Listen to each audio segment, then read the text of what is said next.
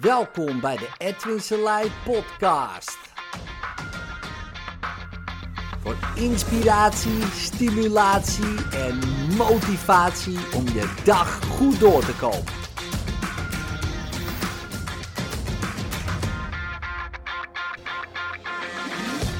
De Homo Puppy. Ehm, ik ben bezig in het boek van Rutger Bregman. Ik heb hem nog niet uit. Maar ehm, ja, het is echt een uh, geweldig boek. Ik kan het iedereen aanraden. Uh, nu lees ik best wel uh, veel boeken. alhoewel, ik luister eigenlijk meer boeken tegenwoordig. Zeker wel eentje in de week. En soms zelfs twee. Dus, um, want dat vind ik zo grappig aan heel veel mensen. Die zijn gestopt met leren toen ze van school afkwamen. Gestopt met lezen, gestopt met studeren, uh, gestopt met heel veel dingen uh, die misschien best wel handig zijn om gewoon wel te doen. Sommigen die stoppen ook met, uh, met sporten, dus eh, dat ga ik allemaal niet meer doen. en ik ben juist daar allemaal mee begonnen. Um, en nou had ik het voordeel dat ik best wel vroeg van school afging. En, en ook best wel op tijd weer begon met het bestuderen van dingen. En het lezen van dingen. En ja, op een gegeven moment haal je mensen in dan. Dat kan bijna niet anders. Hè? Want wie leest er nou bijna een boek in de week? Dat zijn er niet heel veel mensen. En de gemiddelde CEO die leest geloof ik ook uh, 30, 40 boeken of zo per jaar. En dus als je één boek in de week leest, lees je al meer dan die mensen. Um, sommige mensen lezen helemaal niks, ja, of uh, de privé of uh, wat dan ook. Maar in ieder geval, dit boek, nou, ook al ben je geen lezer, dit boek is wel een must-read, vind ik. En waarom vind ik dat? Omdat het zo lekker positief is, man. ja, want uh, het heet al De meeste mensen deugen. Nou, dat is al een lekker idee. En ja, met allerlei voorbeelden haalt hij aan uh, waarom wij als soort overleefd hebben. Nou heb ik een tijd geleden, dat is echt al een, jaar geleden denk ik, Sapiens proberen te lezen van Harari. Ja, dat vind ik gewoon een verschrikkelijk kutboek. Uh, echt deprimerend. Um, er wel toffe dingen in. Maar ik denk, man, als dit toch zo is, hè, dat is niet relaxed. Um, en natuurlijk, je moet je ook niet je kop in het zand steken voor dingen die uh, gewoon zo zijn. Je, moet, de, als, als, als dat inderdaad een feit is, dat wij gewoon een verschrikkelijke soort zijn die iedereen afslachten en daardoor overleefd hebben, dan, dan ja, is dat zo. ja, daar kan je wel wat van vinden. maar ik vond het heel deprimerend. Ik vond ook hele toffe dingen in. Maar ik zou het je niet aanraden om te lezen. Moet je natuurlijk zelf weten. Maar het zou niet mijn advies zijn. Nogmaals, zonder zeker wel eye-openers in. Ik heb er wel uh, echt wel wat dingen uitgehaald. Maar op de helft van het boek dacht ik, ja, maar als ik hiermee doorga. Ik ben best wel beïnvloedbaar, zeg maar. Hè? Dus uh, door verhalen en dingen. En toen dacht ik, ja, wil ik hierdoor beïnvloed worden? Ook al is het waar. Hè? Ook al zou het waar zijn. denk ik, nee man, heb ik geen zin in. Nieuws bijvoorbeeld kijk ik ook uh, sporadisch die dingen die ze zeggen kunnen best waar zijn. Hè? Laten we aannemen dat ze waar zijn. Maar hoe moet ik mij daardoor laten beïnvloeden? Weet ik niet. dus, um, maar dat is een keuze. Maar dit boek van Bergman is top. Hij heeft het bijvoorbeeld over de Homo Puppy. Die vond ik superleuk. En nog veel meer verhalen staan erin. Maar um, dat wij uh, zo intelligent zijn geworden omdat we zo vriendelijk zijn um, geworden. En um, haalt hij allerlei verhalen aan over bijvoorbeeld de agressieve zilvervos in Rusland. En die hebben ze gedomesticeerd. En uh, een, als het ware een soort hondje van gemaakt. Nou, waren dat hele, zijn dat hele agressieve beesten. Maar die hebben ze maar op één kenmerk steeds uitgeselecteerd: vriendelijkheid. Dus ging je niet meteen bijten. Ja, want die vossen die moest je met, met handschoenen van 5 centimeter dik eh, benaderen. Maar die beten meteen. Maar het vosje wat zeg maar niet meteen ging bijten, dus ietsje achteruit deinsde, die gebruikten ze dan om door te fokken. En na vier generaties begonnen die vossen gewoon te blaffen. maar dat niet alleen. Ze waren niet alleen vriendelijker en je kon ze aaien. Ze waren opeens ook intelligenter geworden. In de zin van dat ze allerlei testjes Hè, die je kunt doen met honden.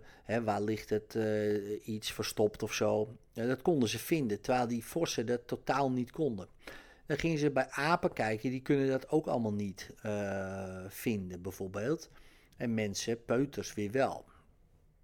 Dus, en zo zijn er heel veel rassen die ze dan hebben onderzocht. En dat vriendelijkheid, en wat is vriendelijkheid natuurlijk, hè, maar gewoon, ja, gewoon, uh, ja, ja, vriendelijk gewoon.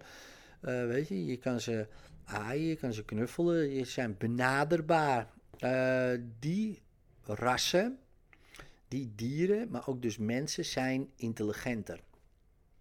Kunnen beter met elkaar opschieten. En ook al zijn ze misschien niet per se slimmer, uh, ze leren van elkaar. Dus hoe groter de groep, hoe meer je leert.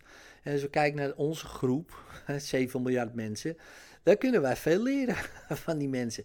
En dat doen we dus ook. Hè? Misschien niet van iedereen, ehm, maar wel van veel mensen. En we hebben een kleiner brein dan bijvoorbeeld de Neandertaler. Waarschijnlijk was de Neandertaler slimmer, maar niet socialer dan wij, niet vriendelijker.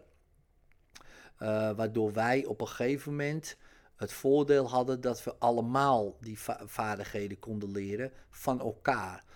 Um, en de Neandertalen niet. Dat is dan het idee van Brechtman. Nou, daar heeft hij allemaal uh, verhalen ook bij over het Stanford-experiment, over allerlei andere experimenten, over oorlog. Dat uh, bij heel veel soldaten, dat er maar een paar procent van de soldaten echt daadwerkelijk schieten in een oorlog. De rest durft het gewoon niet. Dus dat wij helemaal niet gebouwd zijn als moorddadig wezen of zo. Wat best wel een gangbaar idee is nog steeds. Hè, dat uh, als we alles wegstrippen van de mens, dan komt zijn ware aan naar boven. En het is gewoon een bloeddorstig, uh, wraakzuchtig uh, iemand. Maar dat is dus helemaal niet zo.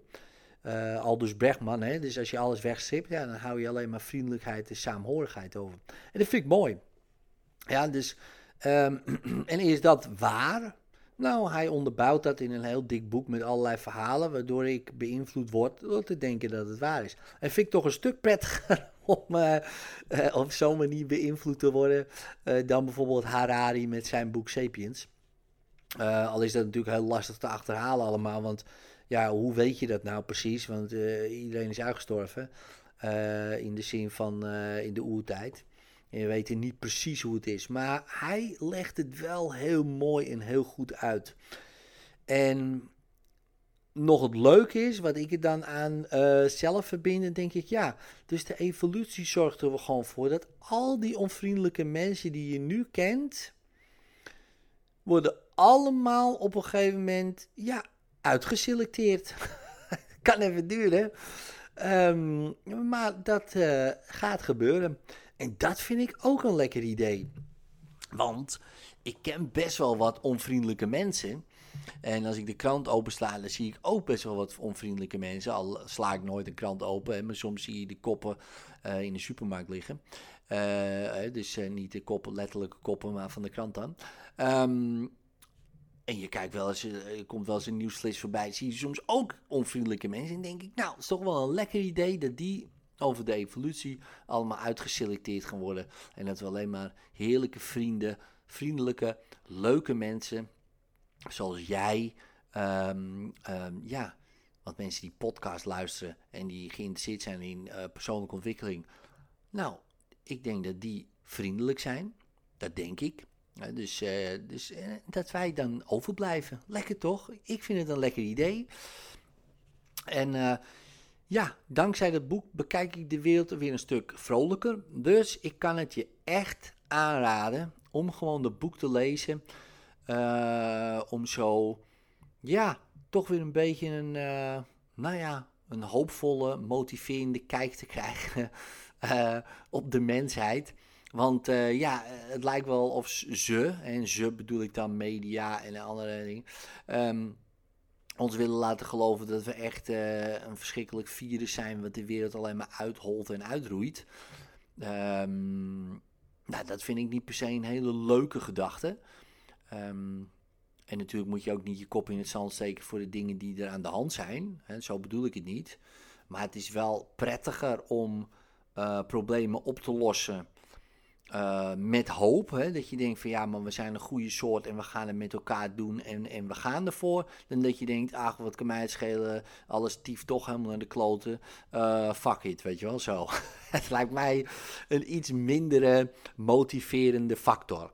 Hè? Dus, um, dus dit was mijn rant. Later.